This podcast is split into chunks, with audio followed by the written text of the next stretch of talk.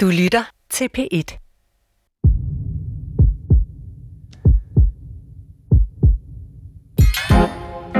Corona beskyldes for meget. Flade numser i falmede joggingbukser, åndsbollede online-møder, emitagtig ensomhed, venskaber, som er æbbet ud, fordi det altså ikke rigtig kunne lade sig gøre at være fælles hver for sig. Men hvis man skulle nævne én vinder af det herrens år 2020, med en vinderstim, der strækker sig langt ind i 2021, så kunne det godt være videnskab. Med stort V. Dagens mediestjerner er en flok biologer med tykke briller og endnu tykkere bøger, som sådan lidt befippet, men øh, nok så velkomment, pludselig befandt sig i spotlyset ved indgangen af 2020. Men ekspertvidnerne til covid-epidemien får skam kamp til stregen af alle os andre. Tænk bare på, hvordan virologilingo er blevet til allemands eje. Hvem har ikke selvsikkert og passioneret debatteret kontakttal, smitteprocenter, indlæggelsesrater, fase 2-studier, RNA-vacciner, validiteten af Statens Serum Instituts seneste matematiske modeller for samfundets genåbning, eller evidensen for mundbind i offentlig transport. Forskning har altså også haft gode vilkår under covid. Hjemsendte forskere på tværs af alle videnskabelige discipliner publicerede sidste år langt flere artikler end foregående år. Og processen fra færdig artikel til antagelse i et videnskabeligt tidsskrift blev barberet gevaldigt ned, så forskningen kunne komme til gavn, og det hurtigt. Og forskningsfondene, de sendte med lige så stor rekordfart svimlende beløb ud til covid-19-forskningen.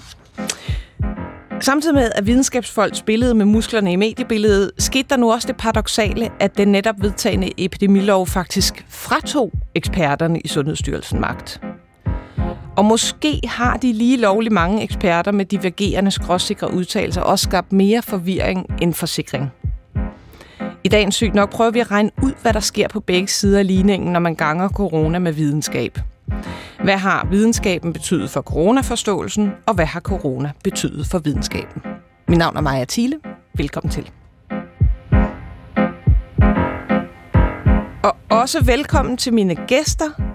Maja Horst, min navnesøster, professor på DTU, øh, og har forsket i forholdet mellem samfund og forskning, og så er du også forkvinde for det frie forskningsråd, men her i dag øh, har du forskerhatten på. Velkommen. Tak skal du have og Jens Peter Andersen, seniorforsker ved Dansk Center for Forskningsanalyse ved Aarhus Universitet. Også velkommen til dig. Mange tak. Øh, Maja Horst, hvis vi nu starter med dig. Hvad har din videnskab fået ud af corona, hvis noget? Jamen, jeg har jo faktisk i mange år forsket i det her med, hvorfor folk er modstandere af forskning og ny teknologi, og ikke bare ligesom som os andre, som ret sikkert tror på, at forskning er vejen til at løse samfundets problemer, så er der faktisk nogen, der ikke deler den holdning. Og det har jeg egentlig i mange år interesseret mig for. Hvordan kan det være? Hvad er det, der driver dem? Og der kan man sige, vaccineskepsis er nu noget, som alle mennesker snakker om. Så det er på en måde blevet allemands eje mit forskningsfelt, øh, mere end det måske var før. Og, og, og hvad med dig, Jens Peter Andersen? Øh, har, har corona gjort noget for dig? Jamen, øh, om ikke andet, så er det jo i hvert fald interessant for os, der studerer forskning som, som socialt område og som, øh, som felt, at, øh, at se, hvordan en så stor, øh, jamen, hvad, hvad skal man kalde et, et eksogen chok, det, det påvirker øh, hele området, og, og, og hvad det gør ved øh, de strukturer, der var der i forvejen. Ja, ja, fordi altså, hvor exceptionelt er det her? Altså, hvor, hvis vi nu tager videnskab, hvor meget mere videnskab skulle danskerne forholde sig til i, i, i 2020? Jamen, meget tidligt, så skete der faktisk en, en ret eksplosiv vægt i, vækst i, øh, hvor meget forskning, der blev udgivet. Øh, der har været øh, forskellige resultater fremme, øh, hvor jeg har set op til 50% øget produktion. Øh, samfundsvidenskaberne, nogle af 30% det ser ud til, at det er blevet sådan normaliseret lidt mere nu, men, øh, men meget tidligt i processen i hvert fald, der udkom der rigtig, rigtig meget forskning på meget kort tid. Men, men en ting er, at, at for, altså alle de hjemsendte forskere, ikke? laboratorierne var lukket, øh, de studerende var sendt hjem. Øh, hvad skulle man lave andet end at skrive de der artikler færdige, som havde ligget på skrivebordet i, i århundreder? Øh, noget andet er også, at altså, normalvis. Jeg holder jo prøver, prøver sådan at holde lidt øje med videnshistorier i nyhedsbilledet, men det gik jo fuldstændig amok. Man kunne ikke øh, åbne en, øh, en webnyhed, uden at øh, der blev nævnt netop ja, fase 2 og fase 3 studier observationelle, og at det, det var jo helt vildt. Maja Horst, har det ikke også altså, betyde noget for netop forholdet, det almene forhold til forskning? Jo, altså, øh, vi har jo i mange, mange år diskuteret, hvorfor er der ikke mere videnskabsjournalistik, og hvorfor fylder forskning ikke mere i medierne? Og der må man bare sige, at øh, der er godt nok sket noget på den front. Altså, der er jo, der er jo, det er jo en kæmpe ting. Til gengæld kan man sige, der har så måske ikke været så meget fokus på andre videnskabsområder. Nej, øh. det er rigtigt. Den, det blev trængt lidt i baggrunden, ja. men det er jo rigtigt den der sådan buhu fra forskerne, hvor at øh, vi kan altså ikke få alle de vigtige opdagelser, som vi er med til at finde øh, ud øh, i mediebilledet. Det blev jo øh, vendt fuldstændig på hovedet. Ja, og, og det, jeg synes også, det er interessant at se, hvor mange forskere, der faktisk træder frem som virkelig gode kommunikatører, og som altså er rigtig gode til at fortælle om, hvad de laver, og, og også træder ud af sådan altså ikke kun udtaler sig sådan om deres eget snævre faglige felt, men også faktisk tør at sige noget om øh, risiko og usikkerhed og forskningsmæssige metoder og hvordan man træffer beslutninger og altså sådan alle de der andre diskussioner, som man også kan have rundt om det, er faktisk, altså der er pludselig blevet mange flere øh, deltagere i de diskussioner om, hvordan vi egentlig, hvad er forholdet mellem demokrati og forskning, og hvordan baserer vi politiske beslutninger på viden, øh, og og hvordan gør vi nogle gange ikke, og det kan vi også have en god grund til. Ikke? Ja, fordi altså mit umiddelbare indtryk, og det, det er bare ren øh, fingerspidsfornemmelse, øh, mm. men, men øh, den der sådan lidt paternalistiske, kedelige holdning, som nogle forskere måske kan have om, at ah, men jeg kan, det her det er for kompliceret stof til, at, øh, at øh, den almindelige dansker kan forstå det. Øh, det viser jo meget tydeligt, at det, det var slet ikke for kompliceret. Altså Nej. den der sådan usikkerhed, der er omkring... Øh, at, at et forsøg kan vise en ting, og et andet forsøg kan så vise noget andet, den, den, den tog øh, jamen, journalisterne jo rigtig godt fat i, og, og befolkningen forstod det også rigtig godt. Ja, og der tror jeg egentlig også, at jeg synes, at sundhedsmyndighederne faktisk har været ret gode til hele tiden at holde fast i. Der har så også været nogle sager før i tiden, som man måske har lært af i forhold til det der med, at, at man bliver simpelthen nødt til at ture tale om usikkerhed. Og vi har det jo lige, altså vi står lige midt i det nu med AstraZeneca-vaccinen. Ikke? Hvordan pokker skal vi tale om det? Øh, det er jo et rigtig godt spørgsmål, og der synes jeg bare, det er interessant, at der er så mange, der melder sig i den der øh, midterbane med, at jamen, vi er nødt til på den ene side at snakke om det her, og på den anden side også at lade være med at skræmme folk fra videre sans. Men vi kan ikke bare sidde i et, i et kontor og bestemme, hvad folk skal synes, fordi det virker i hvert fald ikke. Så, så jeg overfortolker ikke, hvis jeg siger, at du som medieforsker virkelig synes, det har været en god ting, altså med corona for, for forskningsforståelsen. ja, man skal passe på, hvordan man udtaler sig om det jo, men, ja, men helt sikkert. Altså, det er jo fantastisk så meget, vi, og, og det synes jeg jo er dejligt, øh, ikke bare fordi, at det er mit forskningsfelt, men fordi, at forskning faktisk spiller en kæmpe rolle for det fremtidige samfund, vi kan have. Og, øh, og jeg håber, at vi ligesom kan holde fast i dem. Det kommer vi tilbage til. Men altså, det der med, at, at forskning er faktisk rigtig vigtig for hele samfundet. Det er ikke bare noget, der foregår inde i nogle lukkede universiteter, som jo er sådan verdensfjernt og, og uden nogen sammenhæng med noget. Det er faktisk super vigtigt for alle i Danmark, at vi er med til at diskutere, hvordan vi udvikler og bruger forskning, hvad vi prioriterer, hvad vi støtter os op af, hvordan vi bruger den viden, og hvad vi gerne vil vide mere om. Har der slet ikke været nogen ulemper? Er der slet ikke nogen bagside af medaljen her? Oh, altså faktisk så har jeg en bekymring, og det er den der med, at, at det er jo fantastisk at se, hvor hurtigt vi har kunne få vacciner. Altså det kan godt være, at vi sidder her og tænker, altså et, over et år, ikke? Buh, hvor er vi trætte af det her. Men i forhold til, hvor lang tid det normalt tager at lave nye vacciner, så er det jo gået helt vildt hurtigt. Og der kan man sige, der kunne man godt, altså, man kunne godt forledes til at tro, nå, men okay, så forskning er bare sådan noget, man kan ligesom stikke nogle penge ind i maskinen i toppen, og så er det år efter, så får man resultat, så kan man trække resultatet ligesom i sådan en... Sådan en slikautomat, ja, der præcis. du trykker 23, og så kommer der en ja, Haribo mix. Ja. Præcis, og det, altså sådan fungerer det jo desværre ikke. Altså, der er jo rigtig meget øh, tilfældighed og langsomlighed. Nogle gange tager det 20 år at øh, komme på sporet af det, man egentlig gerne vil. Der er også ting, det ikke er lykkedes os at at lave endnu, for eksempel... Øh, øh, hvad hedder det? Nej, skidt med det. Men, men, øh, men det er bare det, vi kan ikke... Altså, sådan kan man ikke ligesom regne. Man kan ikke, Vi kunne godt tænke bare os... putter nok penge i ja. det, så skal der nok komme noget ud af det. Sådan ja. er det altså ikke nødvendigvis. Nej, og det kunne vi godt tænke os med den grønne omstilling. Ikke? Vi kunne godt tænke os, at hvis vi bare proppede, øh, hvis vi ligesom aftalte, hvor mange penge putter vi ind i den ene ende, så kan vi trække alle resultaterne ud i enden. Selvfølgelig kommer der noget ud, det går bare ikke på den der helt sådan forudsigelige måde. Men, men lad os lige prøve at holde lidt fast i det med, hvad, hvad der så kommer ud. Øh, fordi Jens Peter Andersen, du har blandt andet forsket i, hvad, altså, hvad gjorde corona så ved hele forskningsprocessen? Øh, kan du prøve at forklare det? Ja, altså der, der er flere forskellige ting i det.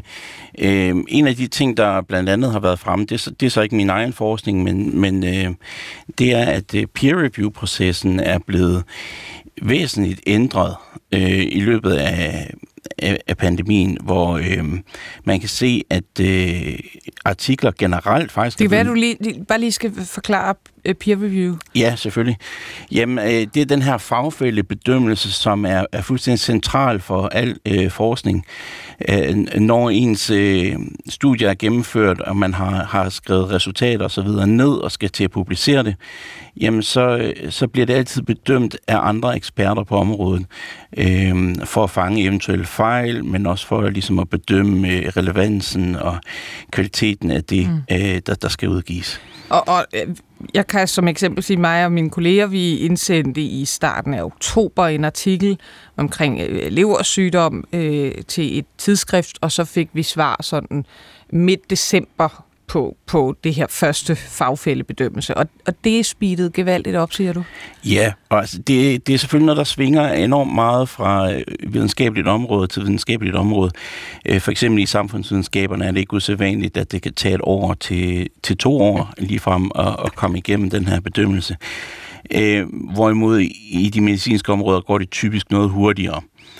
Øh, og en, en af de undersøgelser, der har været, at de, der fandt man, at øh, den gennemsnitlige tid fra en artikel blev sendt ind til et tidsskrift, og til den udkom, det var 200 dage.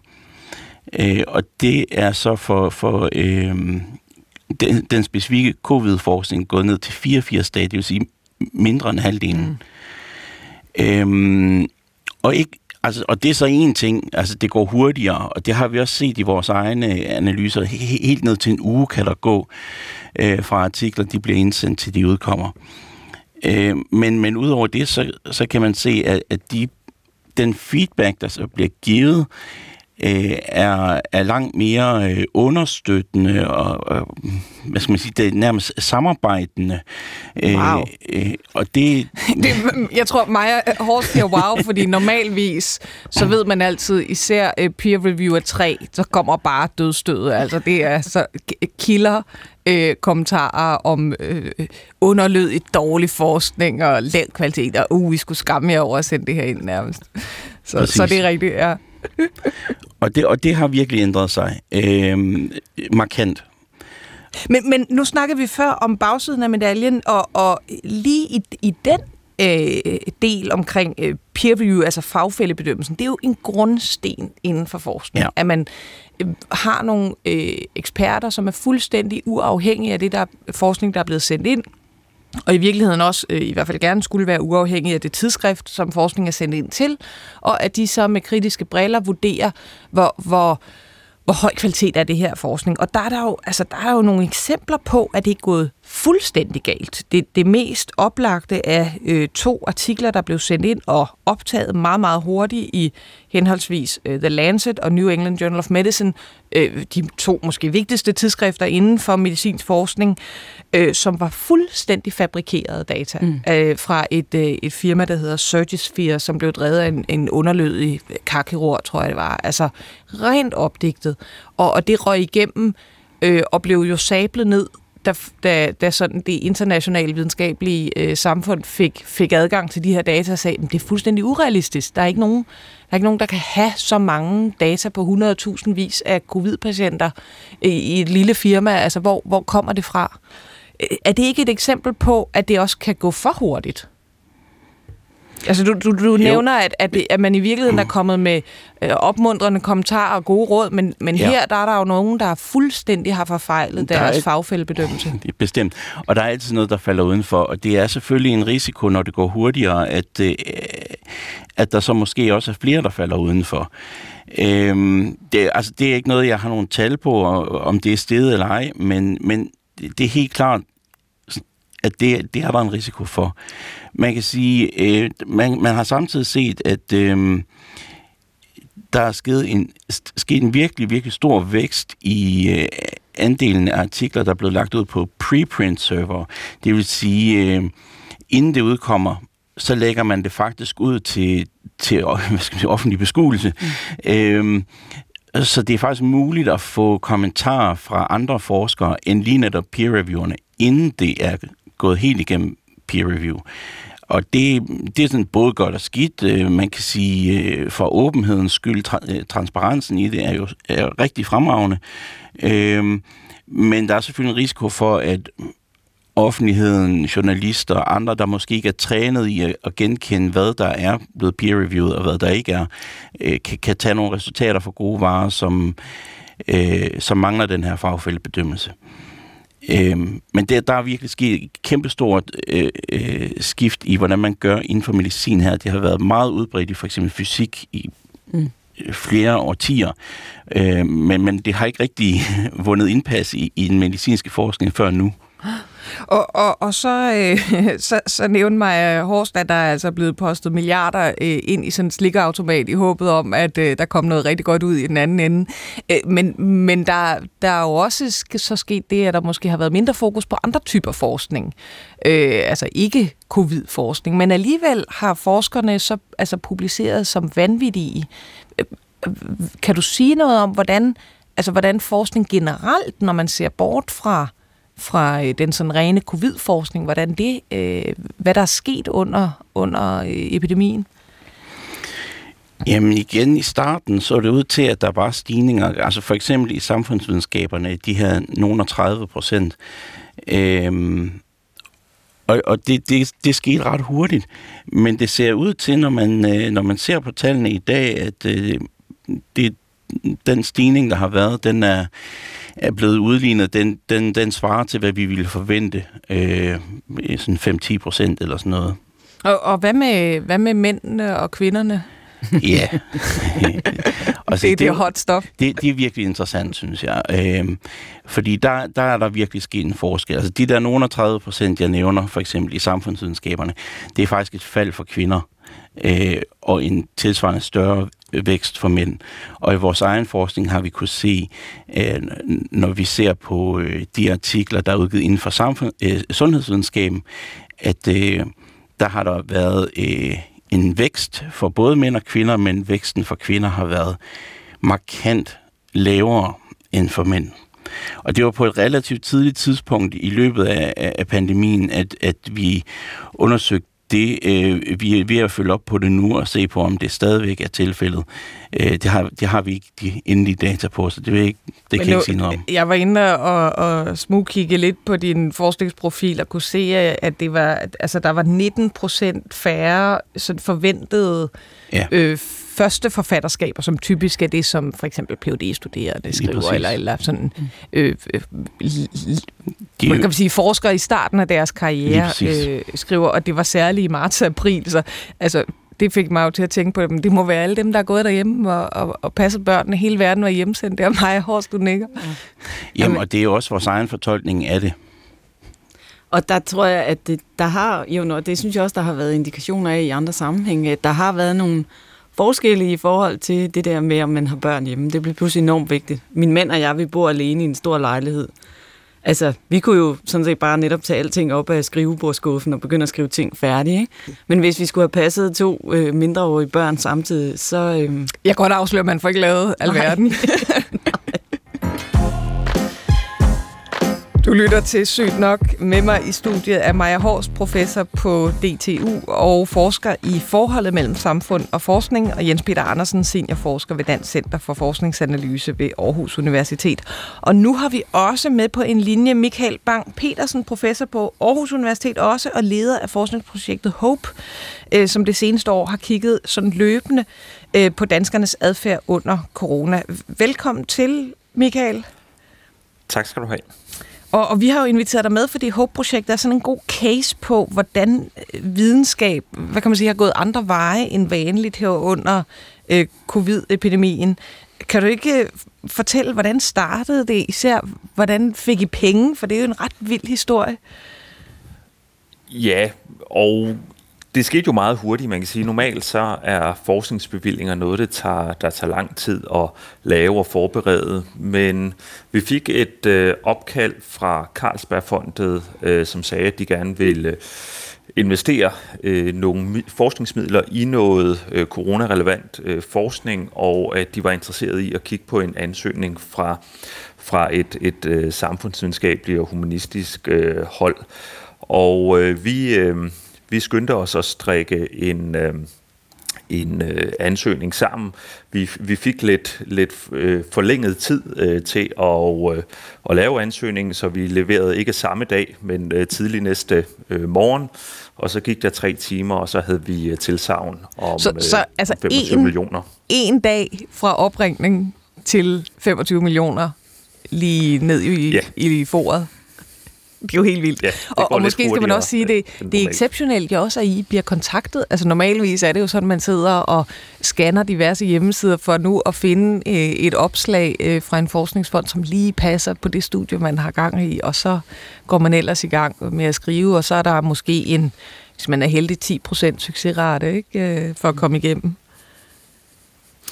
Ja, det må man sige. Så på den måde, så er det en meget, øh, var det en meget, meget øh, anderledes øh, proces end, øh, end, end normalt. Og det er også anderledes på, på andre måder, fordi på sin vis, så var vi lidt øh, gået i gang allerede øh, inden. Så nogle af de første data, som vi har, har indsamlet, har vi faktisk indsamlet, inden vi blev kontaktet, men bare fordi vi mente, det var ekstremt vigtigt at gå i gang, og, øh, og fik derfor kontakt med et, øh, et surveyfirma, Opinion, som også tænkte, vi må i gang med at dokumentere, hvad der sker øh, lige, lige nu. Øh, så, så alt ved det her øh, er anderledes. Og man kan sige også, at selve forskningsprojektet er anderledes, fordi det fra starten har været tænkt som, som noget, vi ikke bare skulle gå og, og putte med i nogle år, og så komme ud og sige, nu skal I høre, hvordan det gik under coronakrisen, men netop noget, hvor dataene skulle ud og, og kvalificere den, den offentlige debat og, og myndighedernes øh, håndtering af krisen.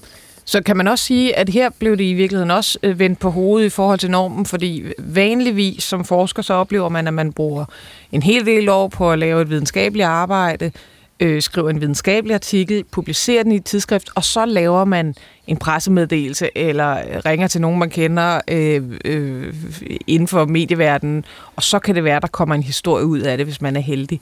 Øh, her var der, har der vel været meget mere, hvad kan vi sige, live øh, resultatfremlæggelse, øh, Ja, i, i meget høj grad. Man kan sige, der er sådan øh, lidt en, en rutine med, at øh, vi kigger på de seneste øh, data, øh, og laver en, en rapport øh, om det, så øh, skriver jeg ud på Twitter, og så ringer Ritzau.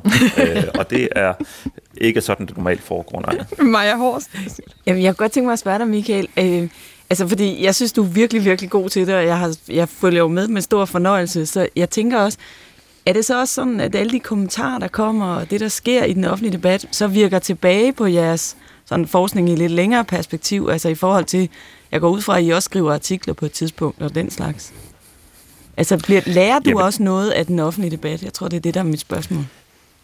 Jamen, jeg lærer da øh, helt øh, utrolig meget, og man kan sige, det, det er måske sådan rent forskningsprocesmæssigt, er det nok det, den, den største forandring, det her med, at, at vi er først i gang med at finde ud af, hvad det egentlig vi forsker i øh, fordi det hele tiden øh, ændrer sig. Mm. Øh, så, så, så det, der sker i den offentlige debat, og den måde, som øh, myndigheder reagerer på, den måde epidemien udvikler sig på, jamen det er helt afgørende for, hvad det er, vi, øh, vi gør. Mm. Øh, altså, øh, der må også betyde noget, øh, Michael Bang-Petersen, for, for din videnskabelige udgivelse. Nu var jeg inde og se på noget, der hedder Google Scholar, hvor man kan se sådan forskningsstatistik. Øh, øh og, øh, og der kunne jeg se, at du Normalvis så har man en lille stigning hver år i antallet af, af såkaldte citationer, altså hvor mange øh, der, der citerer ens arbejde og øh, videnskabelige artikler. Og du har altså fordoblet dit antal øh, citationer øh, i år i forhold eller i 2020 i forhold til 19. Det er ret exceptionel stigning. Øh, har du kunne mærke det, altså som, som forsker, at det også er gået hurtigere, og der har været mere fokus?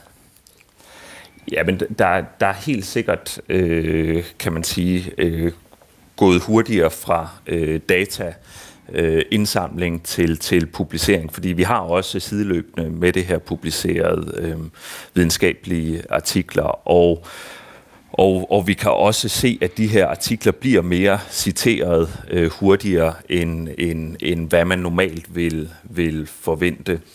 Øh, så, så på den måde, jamen, så er det også noget, der, der, der skæpper i, i situation, øh, citationskassen, om man, om, om man så må sige. Øh, og, og det er, altså den der, altså alt er ligesom presset mere sammen tidsmæssigt, øh, både kan man sige bevillingen, men også det her med at sige, så laver man, øh, så laver man øh, studier, og så får man den hurtigere øh, publiceret, og, og nogle gange så, så sidder man jo så med nogle studier, der er i gang med at blive fagfællebedømt, hvor man tænker, det burde være udkommet for to uger siden. Mm. Eksempelvis er vi i gang med nogle studier omkring øh, øh, kommunikation om vacciner og negative øh, bivirkninger, som øh, mm. ville være rart, hvis det var blevet publiceret for øh, 14 dage siden. Og, øh, og Så aktualiteten om, om løber altså virkelig, virkelig hurtigt. Ja, præcis. Øh, Jens Peter Andersen, øh, en ting er Michael Bang-Petersens øh, hvad kan man sige, erfaringer med altså en en dag øh, lang proces fra opringning fra Carlsbergfondet og så til øh, af, af finansieringen af, af et stort projekt derhjemme. Kan man sige, at det her har været en generel trend i omkring finansiering af forskning under corona, eller er det helt exceptionel undtagelse? Altså, det med de to dage er helt klart exceptionelt, uanset hvad. Men, men, men, men ja, der har været, øh, også i andre lande, øh, øh, bevillinger, hvor, hvor der har været meget kort ansøgningsfrist. Altså for eksempel i Canada har man haft nogle, en meget stor ansøgningsrunde meget tidligt i processen, hvor, hvor der var en uges ansøgningsfrist. Øh, det, det er også exceptionelt kort tid. Øh, så, så ja, det, det er noget, man har set flere eksempler på. Men er, er det her så et nulsumsspil? Altså alle de millioner, globalt milliarder, der er trillet over til øh, covid forskningen. Mangler de så i de andre forskningsgrene? Altså, det kan man jo godt være bekymret for. Altså, i Danmark, der har vi som, som regel i hvert fald en, en ret god adskillelse af, af hovedområderne. Så, så det, at der bliver investeret meget i, i øh, coronaforskningen nu, har forhåbentlig ikke så stor øh, konsekvens for for eksempel den samfundsvidenskabelige eller den humanistiske forskning, øh, rent bevillingsmæssigt. Men det er nok mere de sådan... Øh, coronanære områder, de andre medicinske områder, der, øh, der deler pulje med coronaforskning, der måske øh, får lidt sværere ved at få bevillinger. Øh, det, det kunne man i hvert fald godt have en, en frygt om. Det, det er sådan noget med leverforskning, for eksempel. hvad, hvad siger du, Maja Hors? Har du oplevet noget omkring finansiering af din forskning? Øh, nej, fordi at jeg sidder jo i bestyrelsen for Danmarks Frie Forskningsfond, så jeg kan for eksempel ikke søge Danmarks Frie Forskningsfond. Det er der gode, rigtig gode øh, regler for. Øhm, men, men altså, det der, det der jo også er den store ukendte her, det er jo, at når man prioriterer strategisk nogle bestemte forskningsområder, hvor tager man så de penge fra? Tager man dem fra andre ting i samfundet, eller tager man det fra for eksempel den frie forskning, eller altså den forskning, hvor man ikke på forhånd har defineret, hvad for et område det skal være indenfor? Og der er det klart, øh, altså for eksempel i den frie forskningsfond, der, øh, der, øh, der deler vi jo, der sørger vi for, at alle hovedområder får penge svarende til, hvor mange der søger øh, i de hovedområder. Ikke? Ja, I har ligesom de humanistiske ja. videnskaber en kolonne, ja. de samfundet, øh, erhverv og anden, og så videre. Ja, præcis. Øh, men det er klart, altså, der skal jo være en vis mængde penge til hele puljen, for at der faktisk er noget i de forskellige kasser. Og det er jo selvfølgelig altid en afvejning. Hvordan gør man det her? Der er også lige nu har vi meget fokus i Danmark på at, at øh, finansiere øh, forskning, der skal hjælpe med den grønne omstilling.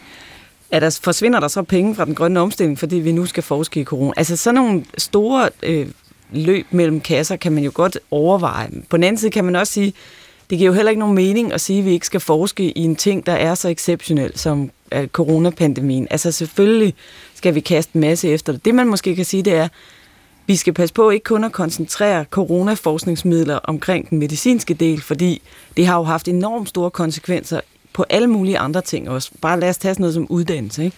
Øh, børns øh, skolegang og de videregående øh, uddannelser, ungdomsuddannelser, alt det, der hører et ungdomsliv til, er jo blevet vildt påvirket af den her situation. Og det skal vi selvfølgelig også vide noget om. Hvad betyder det? Både altså i forhold til, hvad kan vi lære alt det her digitale undervisning. Altså noget af det, er jo, noget af det vi lærer er jo godt, øhm, selvom vi savner det studerende på universiteterne. Ikke?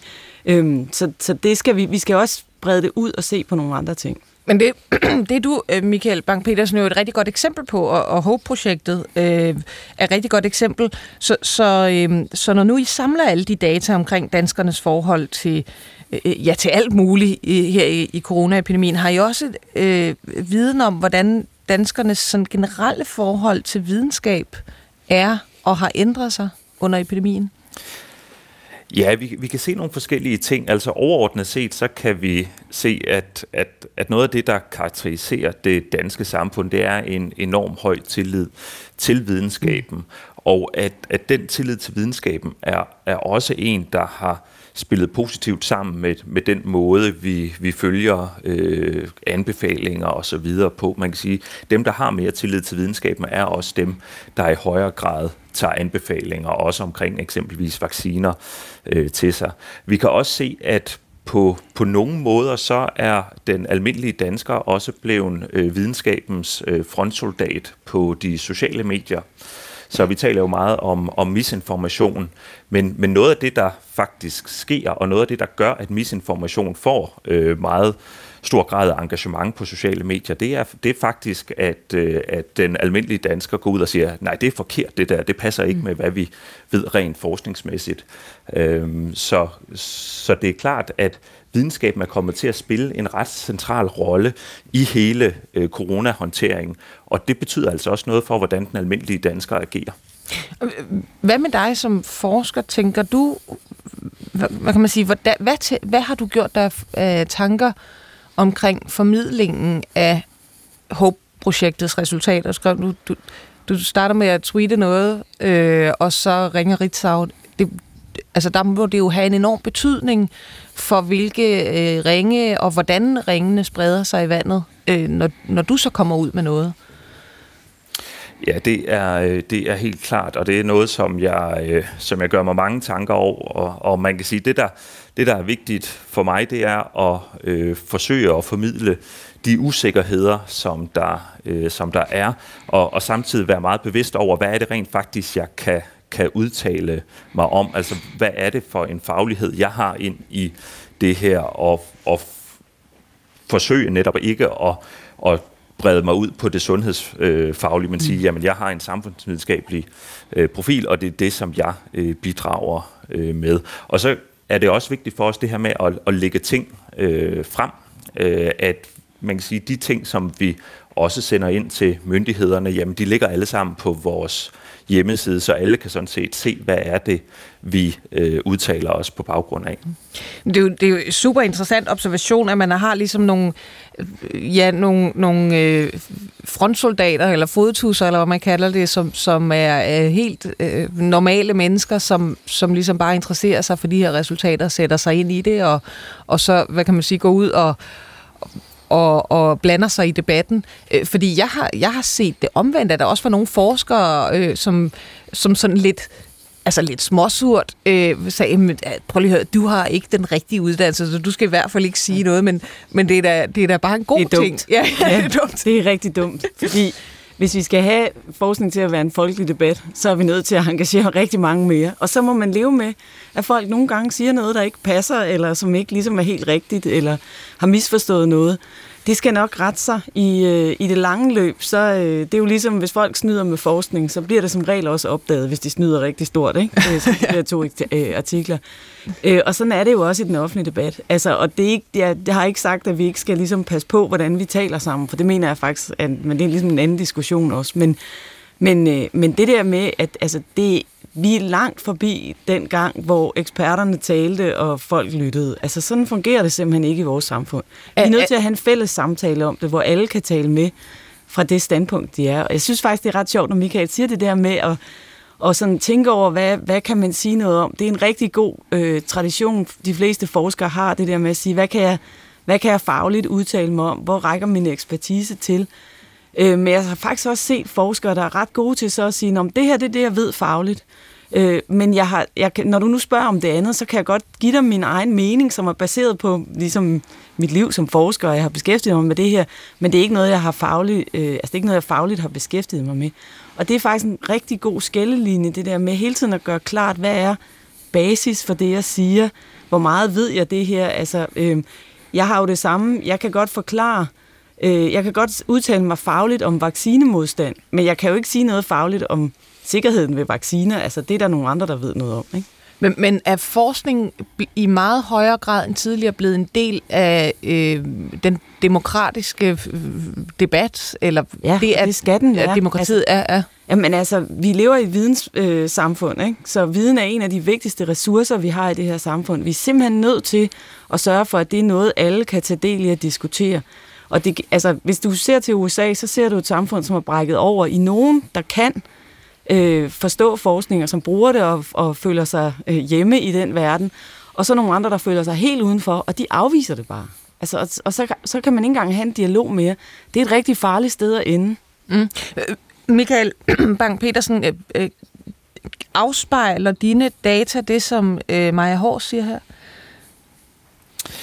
Jamen, det, det synes jeg, at, øh, at de gør i, i den henseende, at øh, vi vi har set samfund, hvor der er sket en, en meget stor grad af polarisering af, af hele pandemihåndteringen.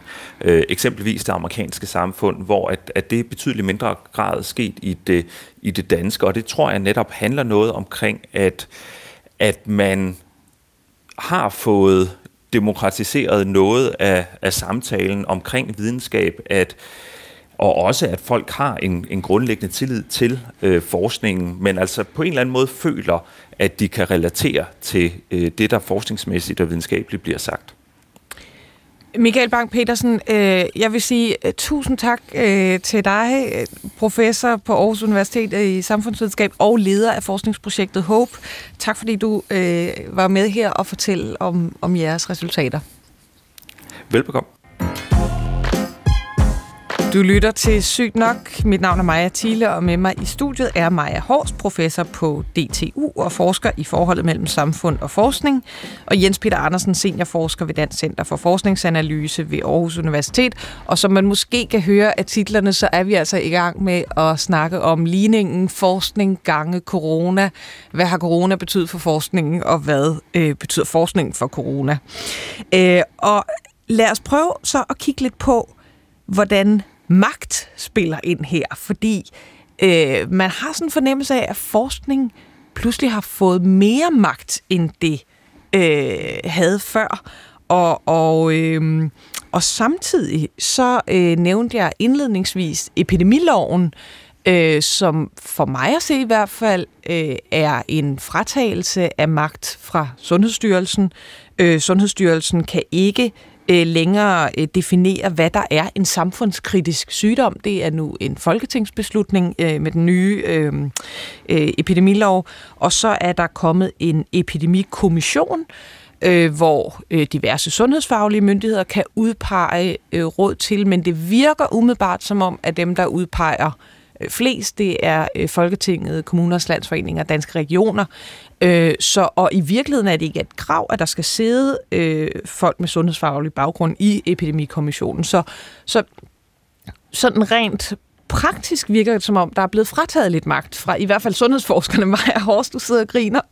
altså, I virkeligheden er det en øh, over 100 år gammel historie. Øh, fordi at øh, Sundhedsstyrelsen i tidernes morgen har været ekstremt øh, selvstændigt, og ikke ligesom har kunne kontrolleres politisk. Og stille og roligt er det blevet lagt ind under øh, det almindelige embedsapparat i staten, og, øh, og skal, er blevet mere og mere strømlignet som en anden styrelse. Øhm, så det er sådan set en lang proces, vi har. Hvor der var et ret godt eksempel øh, for nogle måneder siden, hvor det kom frem, at måske var Sundhedsstyrelsen i virkeligheden slet ikke så øh, hvad kan man sige, øh, radikale ja. i forhold til den første nedlukning, at det var langt mere en politisk beslutning. Men, men altså, når, når det er sagt, så tror jeg også, at det, der er sket, er, at det der med, hvor magten ligger, måske bare er blevet mere synligt. Altså, og jeg hører altså faktisk, når jeg underviser i, øh, videnskabsteori øh, på DTU, så er en af de ting, jeg fortæller mine studerende, det er at, at se på samfundet som noget, der består af forskellige sociale systemer, og vi har ligesom videnskabssystemet, og så har vi det politiske system. Og videnskabssystemet beskæftiger sig med at finde ud af, hvad der er sandt, eller nu har vi det nogle gange lidt dårligt med sandhed, fordi det er så meget absolut begreb. Men i hvert fald, hvad der kan gælde for den bedst mulige sandhed. Ikke? Og det politiske system, de beskæftiger sig med at finde ud af, hvad skal vi gøre, givet at vi jo ikke ved alt om alting. Ikke? Øh, og, og de to systemer er ligesom nødt til at respektere hver hinandens område. Altså det går galt, hvis, hvis det politiske system vil bestemme, hvad der er sandt, men det går faktisk også galt, hvis videnskabssystemet vil bestemme politikken. Altså så lever man enten i sådan et teknokrati, eller eller noget, der ligner sådan et mere autoritært styre. Ja, for jeg vil også sige, ja. altså så teknokrati, det er puha. Ja. Det, øh, så vi er nødt til at respektere... Ikke nogen, der ønsker sig. Nej, så vi er nødt til at respektere, at, at forskningen ligesom er i et demokratisk samfund, hvor det politiske system har retten og, og den legitime ret til at træffe beslutninger på vores allesammens vegne, og derfor har vi også folketingsvalg jævnligt, så vi ligesom kan blande os i det. Ikke? Jo, man kan jo også bare se over sundet og se til Sverige, hvor, hvor ja. øh, sundheds, det, det tilsvarende sundhedsstyrelse i Sverige øh, har haft hvad kan man sige, mere magt, mere formel magt ja. end den danske sundhedsstyrelse. Og det kan man jo så øh, diskutere, det er formentlig alt for præmaturt nu at sige, om det var rigtigt eller forkert, det der er sket. Men sådan, sådan som jeg forstod den oprindelige øh, vurdering i det sundhedsfaglige, øh, eller Sundhedsstyrelsens systemet, var, at der ville være enormt store omkostninger ved at lukke samfundet ned. Og det er der jo også. Altså, det er der sådan set også. Dem ser vi måske ikke helt så tydeligt, som når vi går der i starten, hvor vi klikkede ind hver dag og så, hvor mange var nu døde. Ikke?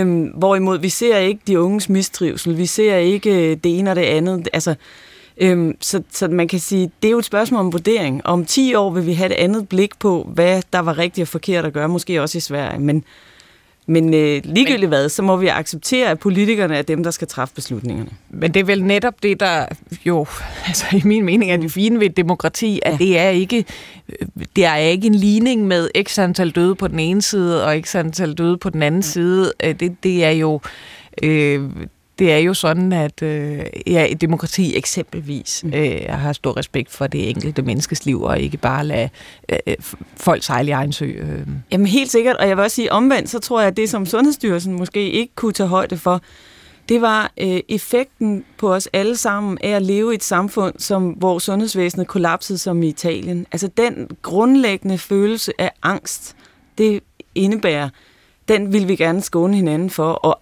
ikke bare angst, men også altså, øh, forfærdelig kedelighed over ikke at kunne tage sig af ordentligt af de folk, der har brug for det. Så der kan man sige, at det er jo en politisk beslutning. Hvad er de her hensyn vejer tungest? Øhm, det er jo ikke kun et spørgsmål om enkelt liv, det er jo også et spørgsmål om, hvad er det for et samfund, vi bygger? Hvordan vil vi gerne passe på hinanden? Hvordan indretter vi sundhedsvæsenet, sådan så det kan tage sig af den opgave, vi gerne vil have det tager sig af. Og hvis vi så går lidt væk fra den formelle øh, og politiske magt, og så over i hvad kan man sige, øh, øh, gadens magt, øh, ned, i, ned i samfundet, i materien. Øh, du, du har, jeg var inde på din forskningsprofil, og der skrev du, øh, jeg skal lige finde det her, så ret interessant, at du synes, det, det er interessant, øh, at forskning for nogen er løsningen på samfundets problemer, mens andre mener, at en stor del af samfundets problemer skyldes forskningen. Ja. Er det også noget, der har ændret sig eller blevet tydeligere under øh, corona? Altså, vi har i hvert fald fået et godt eksempel på, hvordan det er, at når man... Altså, vi taler, hvordan vi, hvad for nogle ord vi nu lige bruger om det, men sådan, hvis man er helt ude i de der, det som man kalder konspirationsteorier, og forestiller sig, at corona er lavet af Bill Gates, for at han kan vaccinere en chip ind i os alle sammen, sådan, så han har fuld kontrol. Ikke? Altså, det er jo et godt eksempel på det der med at sige, når forskningen er fuldstændig i kapitalens vold, og ikke bare kapitalen, men de der få øh, multinationale storkapitalister, som bare er ude på at styre os alle sammen. Altså, der ser man jo slet ikke forskning som det, jeg tror, du og jeg, Jens Peter, forestiller os, at forskning er sådan et, et system, der ligesom virker på en bestemt måde, med henblik på at gøre godt. Men det er vel alligevel øh, heldigvis der er relativt få, der er helt derude ja. øh, og, og mener det. Det er vel hyppigere, at der er en hvad kan man sige, en, en kritisk holdning til forskning. Eksempelvis, øh, at jamen, vaccineprocessen ja. har måske været for hurtig. Ja. Jeg vil helst vente et halvt et helt år, øh, indtil der er flere, der har fået vaccinen.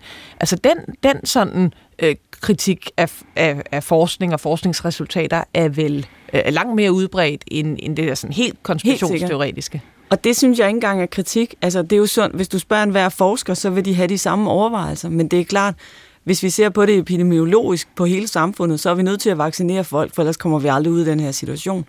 Øh, men det giver jo rigtig god mening, at man overvejer. Vi har også nogle tidligere erfaringer med vaccination mod svineinfluenza, som viste sig at have nogle rigtig kedelige øh, sideeffekter, og der var vi faktisk i Danmark meget mere langsomlige, man var i nogle af de andre nordiske lande til at vaccinere. Og det kommer så til gode, fordi så fik vi ikke de, øh, de øh, sideeffekter. Så, så det giver rigtig god... Det synes jeg faktisk ikke er kritik af forskning. I virkeligheden er det jo at spille med ind på forskningens bane og være med til at diskutere fordele og ulemper. Hvordan afvejer vi det her over for hinanden? Mm. Men, men altså i en situation, hvor øh, coronalåne Lone Simonsen øh, er blevet mere kendt end, øh, end Christian Eriksen. Øh, har, har forskningen så altså har forskningen fået mere magt? Altså er der flere der der ligesom tager det der nu kommer fra diverse eksperter øh, for pålydende eller Øh, Øh, eller er det i virkeligheden uændret, det er måske bare blevet tydeligere? Jeg tror, forskningens magt er blevet tydeligere, og, eller rettere sagt, samfundets afhængighed af forskning er blevet tydeligere, og jeg tror, der er flere, der interesserer sig for altså, øh, det, man med et fint ord på engelsk kalder citizen science, det der med, at borgere begynder selv at sidde og, og fortolke data og arbejde med det, som om de var forskere. Ikke? Altså, det, så der er flere, der har lyst til at blande sig, og det synes jeg er super fint. Vi kan jo ikke afveje det der med magt. Altså, hvad vil det sige at have magt? Øhm, det er jo... Jens Peter, har du godt... Har forskerne fået mere magt? Kan jeg ikke kalde på min livlinje i Aalborg? det, det tror jeg desværre ikke, jeg har så frygtelig meget at sige om, men, men jeg vil egentlig gerne byde lidt ind på det her med citizen science, mm. øhm, fordi vi har flere gange nu nævnt, øhm, at, at ting de bliver lagt øh, frit frem. Øh, Michael han var også inde på det. Mm. Øhm, og, og, og jeg nævnte, at, øh, at man har de her preprint-server, hvor artikler bliver lagt ud, inden de egentlig er blevet fagfældebedømt. Vi har også set, og det er en af de ret interessante ting ved, ved forskningen under corona, at der er blevet lagt meget mere data ud. Øh, selvfølgelig for, at andre forskere kan, kan få, få gavn af det, men de er jo også tilgængelige for offentligheden. Øh, så, så det ser, og det har der været en bevægelse hen imod sådan generelt de sidste år, men, men det er også blevet forstærket nu øh, her under øh, øh, coronapandemien. Og, og det synes jeg, der er meget positivt, at man på den måde åbner op for, at øh, andre de kan få indsigt i ens arbejde. Jeg ja. Det er vel også en demokratisering af ja, forskningen, øh, eller en øget demokratisering af lige forskningen? Præcis. Helt sikkert. Nu har jeg siddet og tænkt lidt over, hvis vi snakker om ligesom, det, du gerne vil vide, det er i fremtiden, for forskerne så mere at sige i forhold til, hvordan samfundet skal udvikles.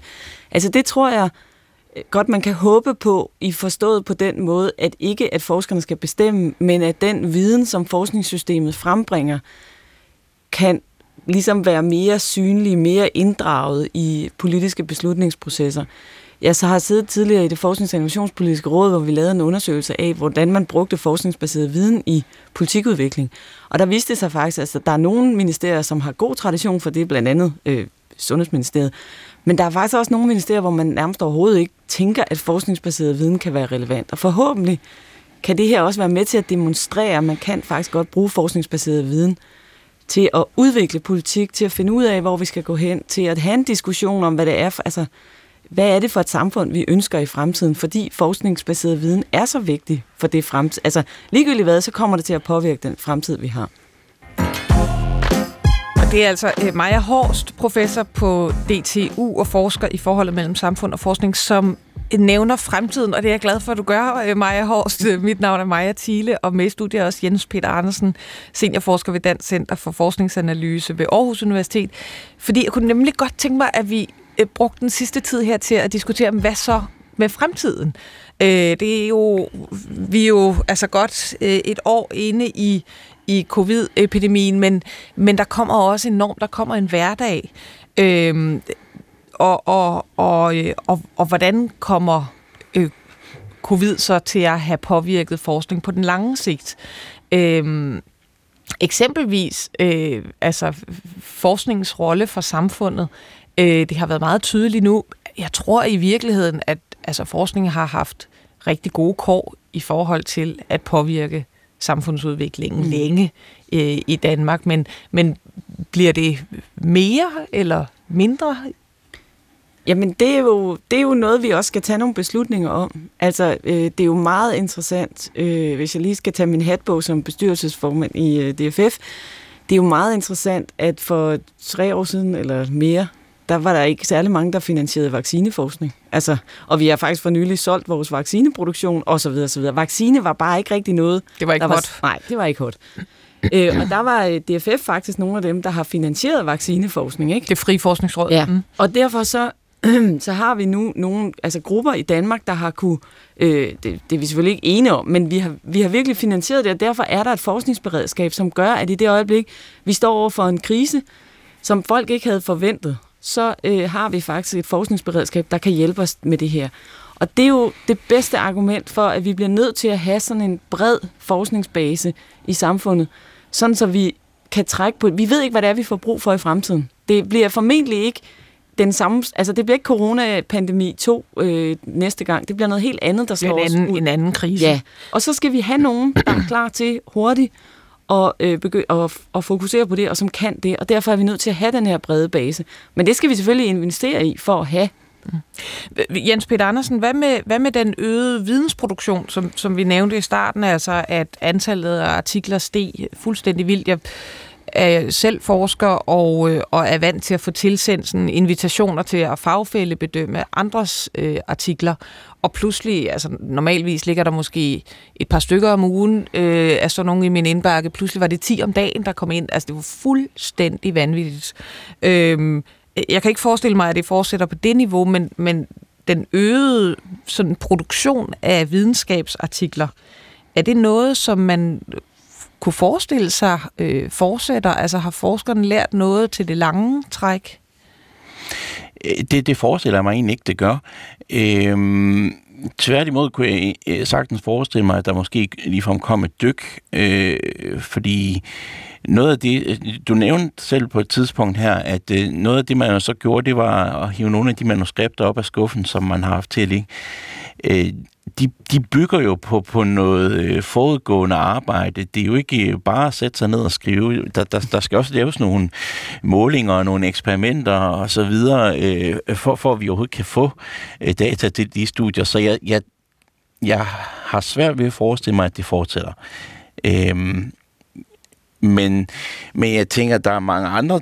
Altså, samfundsvidenskaberne har fået stort øh, datamateriale nu for at undersøge en hel masse ting, øh, sociologisk for eksempel, omkring øh, hvordan folk de øh, opfører sig under en pandemi, og vi har inden for mit lille fagområde jo fået en masse spændende ting omkring, hvordan forskere opfører sig, når sådan noget det her sker. Så, så jeg tror, der er mange øh, områder, der kommer til at fortsætte 5-10 år endnu med at forske i øh, pandemien og, og hvordan vi reagerede på den.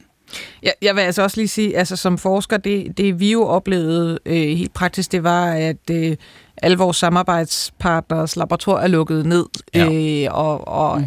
har til stadigvæk øh, lukket ned, og øh, som sådan en forsker, som jeg er, som er afhængig af, at der er Øh, Øh, patienter og, og deltagere, som vil være med i, i forsøg, de, de blev altså også øh, lukket ned øh, på hospitalerne. Og, øh, og der var en masse ting, som, som er blevet forsinket, som, som formentlig kommer til at ramme om et år, øh, halvandet år.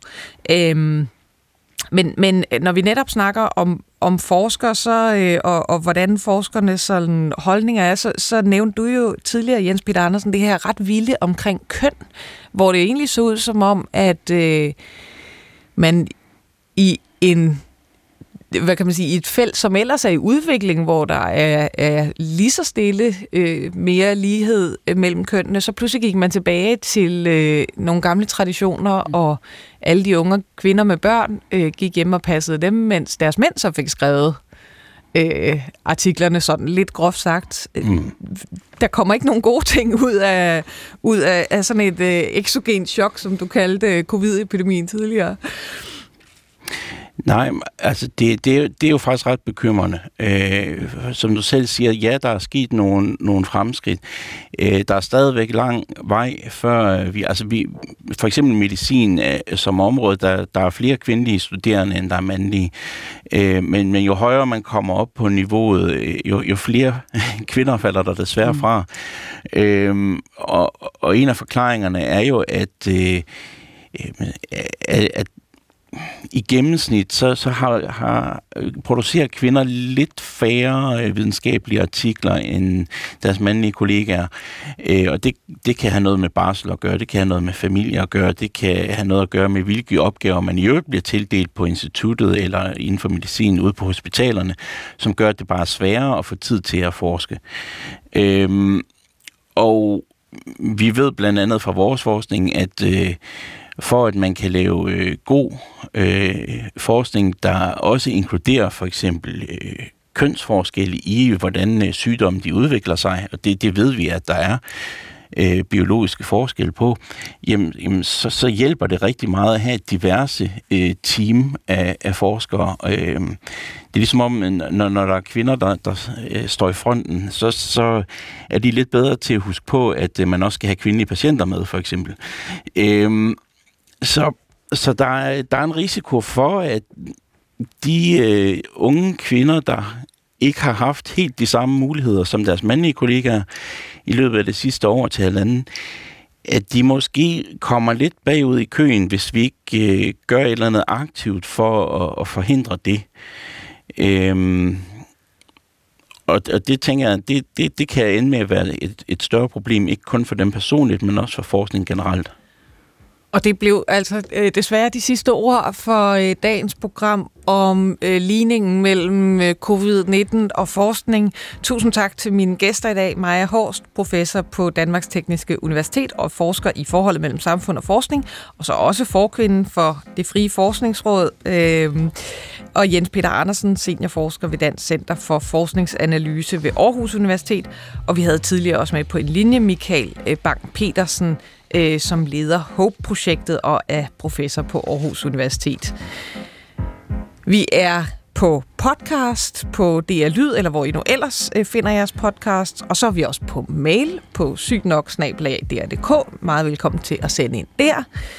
I dagens program blev produceret af Victoria Tovino, og mit navn er som sagt Maja Thiele. På hjertelig genhør.